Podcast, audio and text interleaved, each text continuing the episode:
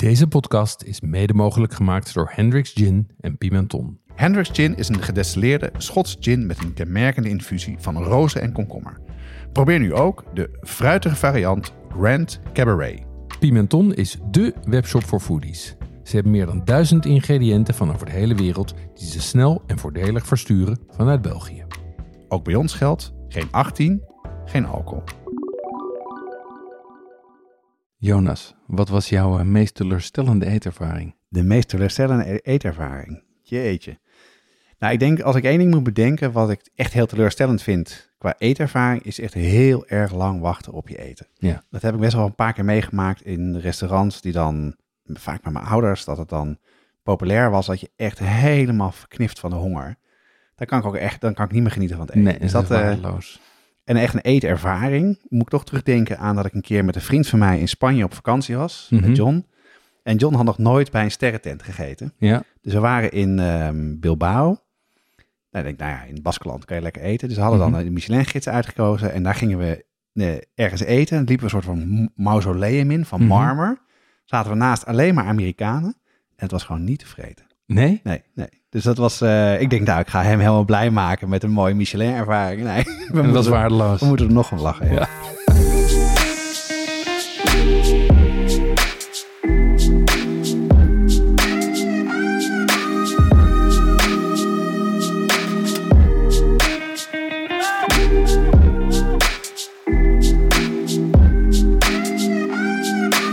Watschaf, de podcast, gaat over lekker eten en drinken, zelf koken en buiten de deur eten. Het is voor iedereen, van het beginnende tot de ervaren thuiskok. Alle recepten en tips uit de podcast staan in de show notes op watschapdepodcast.com. Op Instagram, Facebook en Twitter delen we doorlopend wat we koken en eten. Elke aflevering starten we met een drankje, dan bespreken we onze culinaire ervaringen en staat er één onderwerp centraal. Het onderwerp van deze aflevering is kreeft. Daar gaan we het zo over hebben, maar eh, we praten eerst even bij met een drankje. En wat heb je uitgekozen, Jeroen, bij kreeft? Ja, ik heb wat lekkers meegenomen vandaag. Ik heb altijd wat lekkers, maar deze keer is het echt wat lekkers. Ik trek een fles open. Ehm, Het is witte wijn. Voor het is witte wijn, ja, dat is, eh, dat is duidelijk. En ik geef hem jou even aan.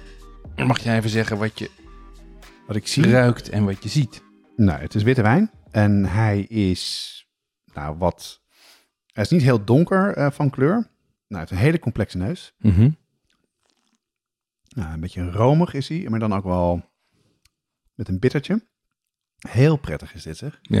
Dit is, als je hem, eh, eh, wat ik proef, is, ik proef een klein beetje, als, als je ruikt, Ah, hij, je, blijft, ruik je exotische, je blijft hem proeven, hè? Ja. Hij gaat helemaal door. je, je proeft exotisch eh, fruit. Ehm, Ja. Je proeft, hij is heel erg fruit forward. Je ruikt persik. Je ruikt ook een beetje uh, pourriture noble. Dus dat is ehm, eh, zeg maar edele rotting. Ehm, en als je naar de kleur kijkt, dan, eh, dan, zie, je, dan, dan zie je al dat het een, dat het een chardonnay is. En Ah, dat, ja, dat, herken je aan die, dat herken je aan die beetje groenige waas die er overheen hangt. Maar ook een beetje dat vettige daarvan, of niet? Ja, nou dat verte, dat, is dat komt meestal van het hout. En dat associëren we automatisch met Chardonnay. Maar dat klopt in dit geval ook. Ehm, wat, wij hier, eh, wat we hier voor onze neus hebben staan is een Meursault. Ehm, en wel een Meursault van Michel Dupont, van Domaine Dupont Vaan. En dat is eigenlijk wel mijn favoriete witte wijn. Ehm, het is een hele... de, de, de- Meursault is zeg maar zo dicht bij nieuwe wereldwijnen als, eh, als Bourgognes komen. Ehm, dus het is met fruit forward, dus met veel fruit Ja, gemaakt. ja. Behoorlijk wat hout. Ja. Ehm, en, eh, maar doordat het een Bourgogne is, heeft hij toch die complexiteit met dat bittertje en een heel klein beetje eh eh, botrytis, dus edele rotting die je proeft. En daar die lengte en ook die complexiteit. Ehm, ik heb speciaal aan, aan Xavier Kat van Okhuizen gevraagd of hij me zo wilde sturen, want het is mijn favoriete wijn. En zeker bij kreeft, wat het onderwerp van deze keer is, vind ik dit de allerbeste wijn om te drinken. Ehm, en bovendien ben ik net jarig geweest, dus mocht er ook wel weer eens wat feestelijks komen. En dit, is, want dit valt wel in de categorie feestelijke wijnen. Nou, ik ga ervan Ja. niet. Gefeliciteerd. dan. Ja, proost. In de Appeltaart aflevering hebben we beloofd dat we een kookboek wat ons opgestuurd is, het Nederlands kookboek van Laura Graven, eh, weg te geven. Daar zijn we nog niet aan toegekomen, omdat we de programmering een beetje hebben aangepast, maar dat kunnen we nu wel even doen. Ja, en dat komt mooi uit, want zoals ik net al zei, ik ben jarig geweest en wie jarig is trakteert. Dus ehm, eh, ik stel voor dat wij even een, eh, een naam aanwijzen uit onze eh, nieuwsbrief, onze abonnees op onze nieuwsbrief. Ehm, en dat wordt met de random generator wordt dat nummer 44. Nou, zal ik even kijken wie dat is? Ja, dat is 43. Dat is Robbie Boy, is nummer 44. Robbie Boy, gefeliciteerd. We nemen nog contact met je op en er komt een mooi kookboek naar jou toe. Nou, als je jarig bent geweest, Jeroen, jouw kennende, dan heb je vast goed gegeten en heb je ook wat culinaire cadeaus gehad. Ja, natuurlijk heb ik goed gegeten. Eh, Ik was wel weer beperkt natuurlijk door het feit dat we niet uit eten konden. Dat had ik eigenlijk gepland. Ehm, maar ik ben dus eh, eindelijk een keer naar Hokkai Kitchen geweest. Ja? Ehm, dat is een eh, Japans restaurant in IJmuiden. ja doen, doen die afhaal dan in dit geval? Ja, die doen afhaal. Eh, dat deden ze al en dat, dat doen ze nu alleen nog maar. Ehm, en daar heb ik een hele sloot aan sashimi en, en sushi besteld. De vis was echt verbluffend goed. Oh ja? Echt, ja, die was, Ja. dat vond ik echt heel goed. En dat is toch vaak de basis. Ehm, de rijst vond ik ook wel goed. Maar ik merk wel dat ik door, eh, eh, door onze eerdere ervaringen en met Kit wel heel kritisch geworden ben op de rijst. Dus, eh, maar ik vond de vis echt van een verpletterende kwaliteit. En het mooie is, die verkopen ze ook gewoon los. Oh ja? Oh ja. Ja. Ja, dus ik heb meteen ook even wat, wat hamachi en nog wat andere vis meegenomen uit de vriezer. Ehm, dus daar ga ik nog een tijdje van eh, profiteren. Dus je hebt weer genoten van eh, sushi in coronatijd. Sushi in coronatijd. dat is best moeilijk, toch? Ja, dat is lastig. Ja, ja, ja. Ehm, en ik ben verblijd met een, eh, met een KitchenAid deegmachine. Ehm, die wilde ik al een hele tijd. Ja. Die- Ik heb, ik heb me ook al eentje heel lang. en Dat is echt een fantastisch ding. Ja, en ik had nu dus, dus ik had een aantal op het oog. En ik heb even met onze, met onze volgers overlegd van wat adviseren jullie nu? En daar kwam verrassend genoeg eigenlijk uit. Mensen zeiden, je moet gewoon de KitchenAid Classic nemen. Zeg maar het simpelste model. Want daarmee heb je de meeste waar voor je geld. En wat had je, had je op het oog dan? Wat had je op je Ja, ik heb ook gekeken naar Artisan, die is dan een slagje groter. En ik heb ook gekeken naar de Pro of de Heavy Duty, die zijn nog weer krachtiger. Dus hetzelfde formaat of nog weer meer volume. Ja. Maar ja, dan krijg je zo'n bakbeest in je keuken. En ik kan hem wel kwijt, maar ja, dan, dan, dan kan, mijn vrouw, eh, kan Sascha hem weer niet uit de kast tillen. En, of is hij te groot? Ik dacht, ik moet ook gewoon een beetje normaal doen. En ik neem gewoon een classic. Ja, ik Dus, heb, eh, ik heb een artisan inderdaad. Ja. Dus eh, ik ben altijd degene die je moet dragen. ja. hey, en jij, wat heb jij, eh, wat heb jij uitgespookt? Nou, wat ik heb uitgespoot. Nou, oké. Ik eh, kijk hoe hard je gaat lachen. ik ben weer, eh, na de vorige aflevering eh, ging over kombucha. Ja. En daar zeiden we ook al dat we bezig waren eigenlijk met de eerste fermentatie. Dus ik Ja. denk, nou mooi, ik had een batch staan. Ik ga met de tweede fermentatie beginnen. Mhm. Dus ik heb drie flesjes gemaakt. Eentje normaal, eentje met aardbeien en eentje met gember en citroen. Oké. En ik doe gisteren doe ik de deur open van de voorraadkast waar die flesjes staan. Mhm. En ik denk, wat ruikt het? En hoezo ligt er glas op de grond? Het is gewoon die fles ontploft. Is ontploft. Ja, echt waar? Hè? Ja. Wat verdorie, welk van de drie? Ja, die met aardbeien, waar ik het meest op verheugde. Die was, ja, en ik, weet je waarom nou? Kijk, het is mij nog nooit gelukt om die CO2 erin te krijgen. Nee. En ik, naar aanleiding van jouw vorige ehm, experiment om hem wat langer te laten staan, denk ik, weet je wat ik doe? Ik zet laat hem gewoon staan en in heel veel van die recepten moet je hem burpen. Moet je heel eventjes eh, de, het gas laten weg. Ja. Dus ik denk, nou, nee, dat doe ik niet. Nee, Ik wil dat lekker CO2. veel gas. Dus ja, ik heb mijn hele voorraadkast leeg moeten halen. Oh, nee. Alles moeten afnemen. Alles plakt en- Oh. Toen dacht ik, nou, dan moet ik snel die andere die ik gemaakt heb, die moet ik even burpen. Dus ik pakte die fles op, burpte hem, spoot het als een champagnefles over in de kamer. Kon je opnieuw beginnen? Ik vervloek die kombucha. Dus dat was mijn meest, eh, ja, dat, eh, daar, eh, door de gang plakt de grond nog steeds. Ik heb al vijf keer de vloer gedwijld, maar dat, dus dat was mijn, Oh, maar we krijgen hem wel klein hoor, die Scoby. Met zijn kombucha. zeker weten. Nou, wat ik ook gedaan heb, ik heb ehm, weer eens pretzels gemaakt, daar heb ik eerder over gehad. Maar ehm, ik volg Noma op Instagram. Ja. het restaurant uit Kopenhagen. En die zijn nu dicht ook. En wat ze dus nu doen is de, ehm, eh, de chefs die koken om beurten voor het hele personeel. Oké. Dus die eh, maken dan eh, een menu en dan kan iedereen komen afhalen, zodat niemand, ja, dat ze toch voor hun personeel zorgen. Ja. En dan de, de recepten staan op de site. Dus dat is heel erg leuk. En in een van die recepten, daar staat, eh, zat, zaten pretzels weer bij. Dan dacht ik, oh ja, mooi, dat ga ik toch wel een keer maken. En heb ik dat recept gevolgd. En Mhm. dat is iets anders dan wat ik gemaakt heb. Dus op de site heb staan. Maar dat was een beter resultaat. Maar waar ik weer helemaal in, me in verloor, is eh, het dippen van de pretzels in een, in, een, ehm, in een vloeistof, waardoor die Maillard-reactie heel erg aangaat. Ja. En in Duitsland is dat natronlauge of ehm loogwater of lai. Ja, En ik heb een fles van de Chinese supermarkt. Ik denk, nou, ik ga er wat meer in doen. Het was een iets andere verhouding. En dat werkte heel goed. Maar nog steeds kan ik hem niet krijgen zoals ik wil. Dus dat eh, is nog steeds een ongoing project. maar wel al beter dan de vorige keer. Hij was beter dan vorig jaar, ja. Kijk, ja. dat is winst. En was hij lekker?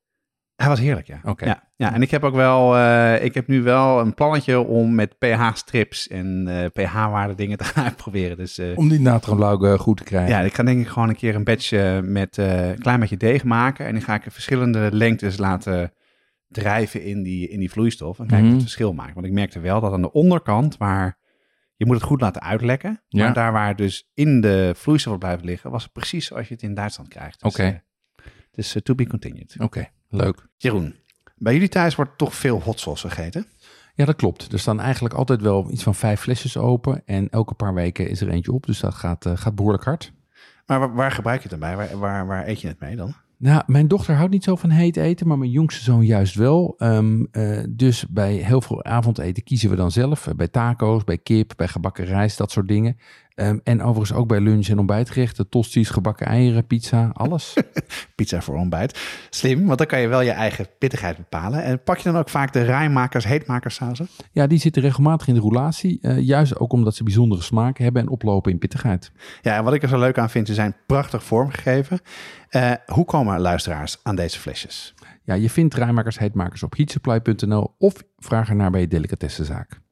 Jeroen, jij hebt het eerder gehad eh, in eh, een van de vorige afleveringen over het kreeftenfeest. Hè? Dus jij hebt eh, het op je genomen om uit de Oosterschelde allemaal kreeft te halen. Dat was echt een groot succes. Mhm. En dat hebben we ook gedeeld op, ehm, op Instagram. En dan merkten we dat er dat luisteraars heel veel animo voor kreeft hebben. En jij bent een echte kreeftexpert, zoals je zelf zegt. Dus waarom wil je het erover hebben? Nou ja, kijk, kreeft is voor mij wel een van de. Ik denk dat het wel mijn favoriete, mijn favoriete ingrediënt of gerecht is. Ik vind het ontzettend lekker. Ehm, ik heb het eigenlijk in ieder geval eh, eh, voor mijn doen redelijk vroeg ontdekt. Ik was ehm, het begin van mijn studietijd, dus net twintig. En toen eh, werkte ik bij Pacific Century, heb ik wel eens eerder over verteld. Ehm, en daar kwamen levende kreeften binnen. En dat vond ik fascinerend hoe, dat, nou ja, hoe je daar wat lekkers van kon maken. En bovendien had ik, een, had ik hier een vriendin in Amsterdam die geboren is in Maine. En eh, die dus heel veel, nou ja, daar eet je, zeg maar, daar, eet je, daar heeft de McDonald's zelfs kreeft. Amerika, hè? Amerika, ja, Ja. precies. En die zei van, nou, jij weet inmiddels hoe dat moet met die kreeft. Zullen we niet eens een lobster party doen? En dan geïnspireerd zoals we dat in Amerika kennen. Namelijk gewoon veel kreeft, eh, kranten op tafel. En dan met handen en voeten één, twee, drie kreeften de man eten. Ja, en sindsdien heeft, eh, heb, ik- heb ik, nou ja, ben ik ervaren met kreeft. En ontdek ik telkens weer nieuwe niveaus. En wat ik er zo, als je dan vraagt, wat is er nou echt zo lekker aan? Wat is het nou wat het zo bijzonder maakt? En voor mij is dat de combinatie van toch heel zacht vlees. Maar het heeft wel, als je het goed kookt, een crunch. Het heeft Ja. zeg maar, je voelt dat het, het kraakt en goed weerstand geeft. Het is zoet, maar het heeft ook echt, zeker als je het voldoende zout kookt, een zilt randje. Ehm, en wat ik ook leuk vind, is je moet een beetje werken om het eruit te krijgen. Dus het is wel, het is heel, eh, het is heel rewarding. Het is heel, eh, hoe zeg je dat? Het is heel, heel ehm, bevredigend. Want je moet eerst even knokken Ja. voordat je dat vlees uit, die, eh, uit het beest Ja, krijgt. maar het is best, moeilijk om goed te maken. hè? Dat vind ik wel, ja. Nou, dat, ja, dat Vind ik, Nou, dat vind ik zo- dus wel meevallen, ja. Daar gaan we het zo uitgebreid over hebben, want ik wil alles weten hoe je dat dan doet. Ja, mijn ervaring aan kreeft ehm, zijn eigenlijk via mijn vrouw. Mhm. Die is helemaal verzot op, op kreeft. Oké. En we waren een keer in eh, Costa Rica op vakantie. Toen waren we aan het strand, echt een meest een soort strandtent aan het einde van de wereld. Mhm. ehm, waar we gingen lunchen. En daar kwam je binnenlopen en daar hingen aan overal, aan alle muren, hingen allemaal posters van Barcelona. Oké. En dus wij gingen zitten, plastic tafel, plastic stoeltjes. En dan kon je kreeft bestellen. Dus zij had kreeft besteld. En dan kreeg ze dus kreeft met de Cajun kruiden Mhm. van de barbecue. Ja. Nou, dus ze heeft het er nog over. Oh ja? Het was overheerlijk. Ja. Een andere keer, dat was, eh, was ik ook met haar eh, voor haar verjaardag, waren we in Maastricht. Gingen we eten toen eh, bij Twan Hermsen, toen hij nog een restaurant in het centrum had. En toen eh, kreeg ze als voorgerecht. Volgens mij met meloen erbij. En toen moest ze echt huilen erom. Echt? Ja. Ja, mooi. Misschien was het een fles champagne die we cadeau gekregen hadden, had daar daarbij. maar dat was echt heel erg leuk. En, eh, en jij hebt het net over die, eh die kreeftparties. Ik ben, toen ik ooit een keer in Amerika was, heb ik dat niet met kreeft, maar met krab gehad. Oh ja. En dat was echt op zo'n porch met, met van die vuurvliegjes die rondvlogen. En Ja. grote bergen met krab en heel veel eh, poeder eroverheen. Ja. een lekker biertje, ja, dat is heel leuk. Ja, Heel leuk. mooi. Nou, laten we eerst maar eens even hebben over hoe je eraan komt. Ja. Hoe kan je, waar kan je kreeften kopen of hoe doe je dat? Nou, ik, ik ga even een stap terug en ik ga het even hebben over de verschillende soorten kreeft. Ehm, want daar is nog wel wat verschil in. Ehm, waar wij het, als wij het hebben over kreeft, dan hebben wij het over de, de, de, het, het genus Homarus. En hebben we eigenlijk twee van, de Europese, de Homarus gammarus, en de Amerikaanse, de Homarus americanus. Dat zijn die kreeften met de scharen. Ja. En als je die in Amerika hebt, dan zijn ze zeg maar donkergroen met een oranje randje eraan. En als ze uit Europa komen, dan zijn ze donkergroen zonder dat oranje randje of blauwig. Je hebt ze ook dat ze blauw zijn. En, dan, en qua kleur bedoel je dan dat ze vers zijn? ja, of als als ze, gemaakt ja, als ze rauw zijn, zijn ze allemaal zijn ze verschillend van kleur. Oké, ja. Ehm, en als ze gekookt zijn, worden ze dus rood. Daarnaast heb je nog ook langoesten. Dat is waarschijnlijk wat jullie in Costa Rica hebben gegeten. Die zijn zonder scharen. Dat zijn ook, Ah, ja, die, zijn, die zijn tropischer. En die worden ook in het, eh, in het Engels spiny lobster genoemd. Ehm, en dan heb je nog de beerkreeften, oftewel de slipper lobster. En die zie je veel in de markten, in, eh, eh, bijvoorbeeld op de, op de, in de vismarkten in, in Griekenland. Ehm, en die hebben ook geen scharen, maar die hebben aan de ja, voorkant een soort, soort sneeuwschuivers. Ah, ja, ja, ja. Dus, maar wat je wil, wat het beste is van kwaliteit, zijn de Europese of de Amerikaanse. En wij kiezen dan dus voor de Oosterschelde kreeft, want dat is ook nog lokaal. En die zijn het beste omdat ze uit koud water komen. En die zijn best bijzonder, hè? Die, die Oosterschelde, Oosterschelde kreeften qua smaak en dat soort dingen. Ja, ze zijn, die- als ik heel eerlijk ben, vind ik ze qua smaak niet zo heel veel verschillen van de Amerikaanse. Oké, toch niet. Ja, kijk, er zijn mensen die daar dan weer verschillen in ontdekken. Ik niet. Ehm, maar wat natuurlijk wel zo is, is dat die komen hier gewoon lokaal, door een lokale visser, worden die uit de Schelde gehaald. Ja. Terwijl die Amerikaanse, die worden ingevlogen. Vers, hè? ja, gewoon in dozen. En, maar ja, dat, dat, is natuurlijk, dat vind ik ingewikkeld uit te leggen, dat je, een, Ja. eh, dat je dat soort dingen de wereld overvliegt, zeg maar. Dus, ehm, dus mijn voorkeur heeft gewoon Europese en dan mijn voorkeur de Oosterschelde kreeft. En, en waar koop je ze dan? Ja, ik koop ze, ehm, eh, ik koop ze bij voorkeur hier in Nederland. En wat belangrijk is, is dat, je ze, dat ze heel erg levendig zijn. Ehm, en dat betekent dus dat je ze moet kopen in een zaak die een hoge omloopsnelheid heeft, Mhm. die er veel van verkoopt. En het liefst die een homarium heeft. Zo'n bak waar ze in zitten. Ja. Ehm, want eigenlijk, zodra kreeften er uit het water gaan, beginnen ze al minder te worden. En zodra ze doodgaan, dan moet je ze echt binnen een paar uur eten. Want anders is het gewoon, anders begint het, de, beginnen ze de structuur af te breken. Ja, ja. Dus waar je ze koopt is bijvoorbeeld bij, eh, bij, de, bij de horeca groothandel of bij de grote, eh, het- het courante eh, eh, viswinkels, eh, Tel in Amsterdam, Schmid in Rotterdam. Ehm, of dus bijvoorbeeld de oesterij waar wij ze hebben gehaald eh, eh, voor het kreeftfeest. Ja, ja. En waar moet je er meer op letten dan?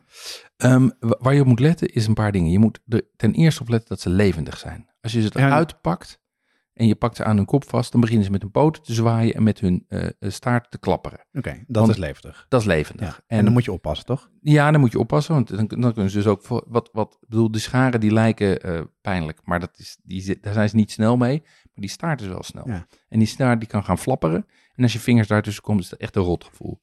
Dus, maar je moet dus zorgen dat je een levendige hebt. Ehm, eh, waar je vervolgens op moet letten is of je, je moet eigenlijk redelijk wat hebben. Je moet voor een hoofdgerecht reken ik toch wel 500 gram per persoon. Ehm, en voor voorgerecht 250 gram, want je houdt maar ongeveer 25% over. Ja, Dus je ja. moet best wat hebben. Ehm, dan is er een, heb ik een lichte voorkeur voor vrouwtjes. En waarom dan? Omdat vrouwtjes hebben eitjes. En die eitjes die kan je weer gebruiken in eh, sommige bereidingen. Ehm, maar die hebben ze ook niet altijd. En dan krijg je de vraag over de maat. En daar zijn ook hele, nou ja, eh, Hele epistels hele over epistels, hele eh, discussies over. Maar eigenlijk zijn er drie dingen die je moet weten. Je hebt kenners, je hebt select en je hebt jumbo. Kenners, dat zijn eh 2 tot 300 gram kreefjes. Dat is zeg maar één voor een voorgerecht. Ja. Ehm, select, dat is tussen de 500 gram en een kilo. Ehm, ik vind de ideale maat zeg maar de 5, 6, dus 5, 600 gram. En dan heb je jumbo, en dat is eigenlijk nou, anderhalve kilo en meer. Ehm, en het nadeel van jumbo vind ik dat eh, vaak de, de scharen heel dik worden. Dus dat heel veel werk is om het eruit te krijgen. En bovendien, omdat je dan dus al op forse gewichten zit. Het, ik vind het altijd leuk om mensen een hele of een halve kreeft per Ja, ja. persoon te geven. Ja. Dan wordt dat ingewikkeld, Wordt zeg maar. Ja. Dus, dus mijn advies is, eh, koop een levendige kreeft van 5, 6 en dan bij voorkeur een vrouwtje. Ehm, eh, en dus bij een plek die hoge omloopsnelheid maar wel heeft. een levende. Want dat is een beetje Altijd waar... Ik heb het wel eerder... Ik heb het ook wel een paar keer gemaakt. Eh, een luisteraar, Maarten van Kouliel, die heeft een, een delicatessenwinkel gehad. En Ja. die had dus ook zo'n homarium, maar dan in een donkere. Mhm. En eh, dat wist ik op een gegeven moment. En, eh, ik, en ik weet ook dat hij daar hele goede spullen had. Dus eh, ik heb het wel een paar keer bij hem gedaan. eh, ook wel feestelijke dingen. Maar ik vind toch het... Ja, zo'n piepschane ding, die dingen die bewegen. Ja. Ik heb er niet zo heel veel moeite mee hoor. Maar ik vind, dat is toch best wel een drempel, heb ik het idee. Nou ja, dat is natuurlijk zo. Ik bedoel, je haalt een levend dier in huis en dat, dat gaat de pan in. Ehm, ze zijn natuurlijk ook best wel groot. Ja. Eh, dus als je, eh, als, je een, als, je er, eh, als je voor een gezelschap kookt, heb je er voordat je het weet twee of vier nodig. Dus die moet je ook nog kwijt kunnen. Ehm, je, moet ze, je wil ze niet eigenlijk langer dan één of twee dagen hebben. Dus dat vereist wel enige log- logistieke aanpassing, ja. En er zijn natuurlijk mensen die het gewoon ingewikkeld vinden om, om zo'n beest dood te maken. Ja, dat kan me goed voorstellen. Ik bedoel, ja, Ja. het, ik bedoel, het is toch echt een levend dier. En dat, dat confronteert je veel meer met het feit dat je dan iets eet wat geleefd heeft. Nou ja, wat, wat wel goed is dat je dat realiseert, dat je daar dus heel spaarzaam mee omgaat. Als je het dan in een pan doet, Ja. dan is het dood of levend. Hoe, eh, ja, nou dat is... beetje, een beetje een cruwe vraag Nou eigenlijk, ja, toch? nee, kijk, toen, eh, toen, toen ik begon met koken, toen gooiden ze gewoon levend in de pan. Ehm, en dan gooien ze met, het kop, met hun kop eh, naar beneden in een grote pan met kokend water. En de hitte van die pan, die, die maakt ze zo snel dood. Het verhaal was toen in ieder geval, daar leiden ze niet van. Ja, gaan, Ehm, dit gaat ons geen vrienden opleveren. Nee, maar dat was toen, dat was toen de norm. Wat ik tegenwoordig doe, is, is ik dood ze gewoon. Dus Ja. ik, ik, ik, duw een, eh, ik duw een mes in hun kop. Ehm, en dat kan je eventueel nog doen via de vriezer. Dus dat je hem even in de vriezer zet. En dan komen, gaan ze in een soort van winterslaap. Dat verdoof je ze. En dan zijn ze helemaal... Ja. Alleen moet je ze niet te lang laten liggen, want dan vriezen ze stuk. Ja. En dan eh, eh, worden ze gewoon minder van kwaliteit. Dus dat kan je altijd doen. Oké. Wat is nou, want dat vind ik dus het moeilijke eraan. Hè? Dus Ja. ik kan me best wel over die stap heen zetten van een levend beest Ja. eh, halen. Nee, ik doe het niet te vaak, dus ik vind dat ik dat kan doen. Uh-huh. Maar ik weet dus nou, eh, omdat ik het zo weinig maak, weet ik niet hoe ik het moet klaarmaken. Nee. Wat is nou, wat moeten we nou doen? Moet je nou koken, grillen of frituren? Ja. Help mij Nou, even met wat. Ja, kijk, tips. wat je je moet realiseren is dat eigenlijk het koken van een kreeft is niet ingewikkelder dan het koken van een ei. Het lijkt ook best op elkaar. Serieus? Ja, het is gewoon een schaal en in die schaal zitten eiwitten en die moet je gaan garen. Ja. Ehm, en ehm, eh, de, wat daar dus belangrijk is, is de tijd, hoe lang je ermee bezig bent en, de, hoe, en hoe, hoe, hoe je het op temperatuur houdt. Dus het is belangrijk dat je een grote pan hebt. Kokend water, dat moet stevig gezouten zijn. Er zijn mensen die zeggen, je moet het zo zout als zeewa- eh, zeezout. Dus dan heb je het echt over, over een eetlepel per liter of Nou, iets in die orde remzout, Ja, echt bremzout. Ehm, en vervolgens eh, eh, ga je dus, ga je, ik ga altijd eerst blancheren. Dus ik kook hem altijd eerst. Ook als ik hem ga frituren of als ik hem ga grillen, gaat hij eerst even geblancheerd. Want dan komt dat vlees goed los van die scharen. Ja. Ehm, en dan kan je hem gewoon makkelijker hanteren. Bovendien weet je dan zeker dat hij dood is. Ehm, dus ik, eigenlijk blancheer ik hem altijd twee minuten. Dan verkleurt hij ook.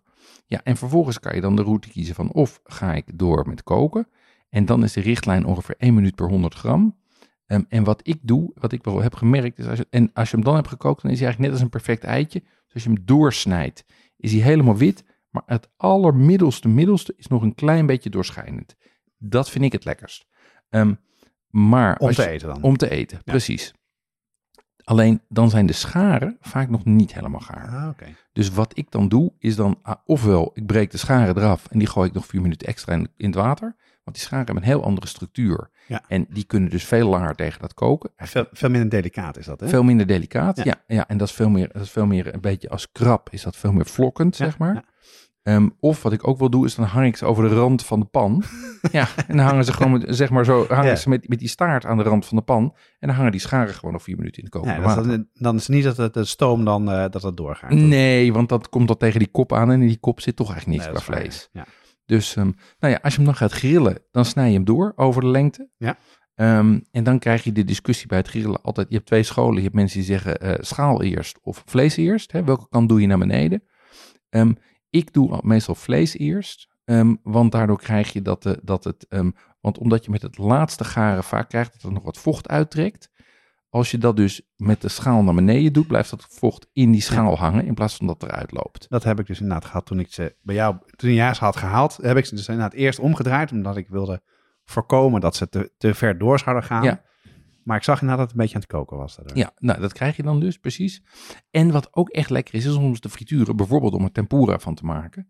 Ehm, maar dan moet je ze dus gewoon na die twee minuten eh, blancheren. Ga je ze, ga, hou je ze uit elkaar, hou je het vlees eruit. Ja. En eh, ga je daarmee verder. Ja. Nou, lekker zeg. Ja. Oké, maar als je hem doorsnijdt, dan zit er allemaal troep in. Hè? Dus eh, wat je net al zei, de kop, daar zitten heel veel dingen in. Ja. Wat kan je daarmee doen? Nou, kijk, je moet je realiseren, je koopt eigenlijk van die kreeft is 75% is dus eigenlijk is afval, min of meer. Hè? 25% is vlees, 25%, maar die 75% kan je nog van alles mee. En wat je even moet weten, als je die kop openmaakt, dan zie je dat er direct achter de mond, zeg maar, daar zit een maagzak. Ehm, en die gooi je weg. Daar zit allemaal zit een beetje gruis in. Ja. En, en dat vind je vanzelf, die gooi je weg. Nou, als je dan verder kijkt wat er in dat lichaam zit, dan zit daar, eh, zit daar eh, wat ze in het Engels de tomali noemen. Of de kreeftlever, dat is een soort van groenige smurrie. Ja, ken ik. Er zijn mensen die dat lekker vinden op toast.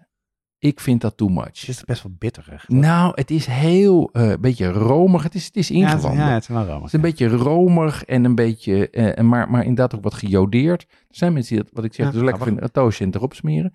Ehm, dan heb je soms nog de eitjes. Als je een vrouwtje hebt die eitjes bij zich heeft, dat is een soort van donkergroene eh, pasta die zeg maar in de, in, de, in de bovenkant van de rug zit. En als die lang genoeg gekookt is, als die echt gaar gekookt is, dan wordt die rood. Maar die is heel leuk om door een saus te gooien, want die geeft hele mooie rode pitjes in je saus. Oh, grappig. Dus die schep ik eruit. En dan hou je dus vervolgens zeg maar die kop over. Ja. En die kop, daar moet je natuurlijk bouillon van trekken. Dat is echt heel zonde om dat weg te gooien. Want kreeftbouillon is een van de lekkerste die er is. Ja. Dus ehm, ik heb altijd, als ik kreeft bereid, gooi ik daarna de hele kop. En het zit hem vooral, het zit hem een beetje in de schalen van de, van de scharen en zo. Maar waar het echt smaak in zit, zeg maar, is in de, in de binnenkant van die kop. En die moet, je dus, die moet je dus uitkoken. Ja, en dan krijg je een hele lekker eh, ja, soort diepe, diepe bouillon van. Diepe hè? bouillon. Ja, Ja. Ik, ik, maar eh, wat ik vaak doe, is dat ik een deel van mijn kookwater neem. Daar gooi ik dan die, eh, hoe heet dat in terug, die schalen in terug. En vervolgens eh, laat ik dat drie kwartier trekken. En daarna reduceer ik het. En dan heb ik een bouillon voor de risotto. Of, Lekker man. Ja. Jeez, ja. hebben we wel trek Ja, ja, ja, ja, ja, ja, ja. ja. Oké, dat zijn dus drie manieren om ze te maken. En, Ja. en wat je met, eh, verder nog kan doen met wat er, wat er overblijft. Mhm. Maar wat zijn nou recepten of bereidingswijzen die, die jij heel lekker vindt, die je vaak maakt? Ja, ik denk, er zijn heel veel bereidingswijzen die ik lekker vind. Ik heb hier een, ik heb hier een boek liggen, dat ligt daar op tafel. A Lobster at Home van Jasper White. Ja. Dat gaat alleen maar over kreeftrecepten. Ja, dit vind ik dus het moeilijkste van kreeft. Hè? Ja. Dus wat, hoe, hoe, Wat doe je daar dan mee? Exact, Ja. Ehm, daar staan fantastische recepten in. Echt van over de hele wereld. Ehm, eh, want je kan er ook hele lekkere curry's mee maken. Je kan er lekkere tempura's mee maken. Je kan het op zijn Mexicaans grillen. Je kan er van alles mee bereiden. Ehm, wat ik zeg maar de klassieke bereidingen vind. De makkelijkste is natuurlijk gewoon gekookt met mayonaise. Dat vind ik eigenlijk het perfecte voorgerecht. Een half kreefje mayonaise. Heb je bij Café Restaurant Amsterdam ook altijd. Perfect gewoon. eh, eh, lekker zomers. Soms met sla. Ehm, wat ik een tweede ontzettend lekkere bereiding vind, is met, met pasta. Want wat je dan kan doen, is dan kan je van die, van, die, van die scharen en van al die kop, die bouillon, die kan je inkoken en die kan je weer gebruiken in je saus. Oh. En daardoor krijg je een hele rijke, Ja. diepe saus met dan grote stukken kreeft erin. Ehm, ontzettend lekker. Ehm, en de laatste is een, eh, is een tempura van kreeft. En dan heb ik specifiek een recept eh, van Nobu. Daar hebben we het wat eerder, Ja, zeker, eerder ja. over gehad. Dat is denk ik een van de lekkerste gerechten die ik ooit heb gegeten. Ik heb op een gegeven moment eh, in New York bij, eh, eh, bij de, de kleine Nobu heb ik een, hebben we een omakase menu gehad. En daar zat een tempura in van kreeft. Maar die was dus eerst gewoon grote stukken kreeft, waren krokant gefrituurd. En vervolgens was die, waren die gefrituurde stukken waren door een, ehm, een spicy lemon mayonaise gehaald. Oh. Dus dat was een, was een, een combinatie van mayonaise, eh chilisaus en limoen. Wauw. En dat was, dat was zo'n bom van smaak. ja, ik kan me voorstellen. En, en dan heb je dus eerst die vettigheid en dat pittige en dat, dat zuur aan de buitenkant. Dan de crunch. Ja. En dan die, die zoete, eh, krokante eh eh, kreeftsmaak van binnen.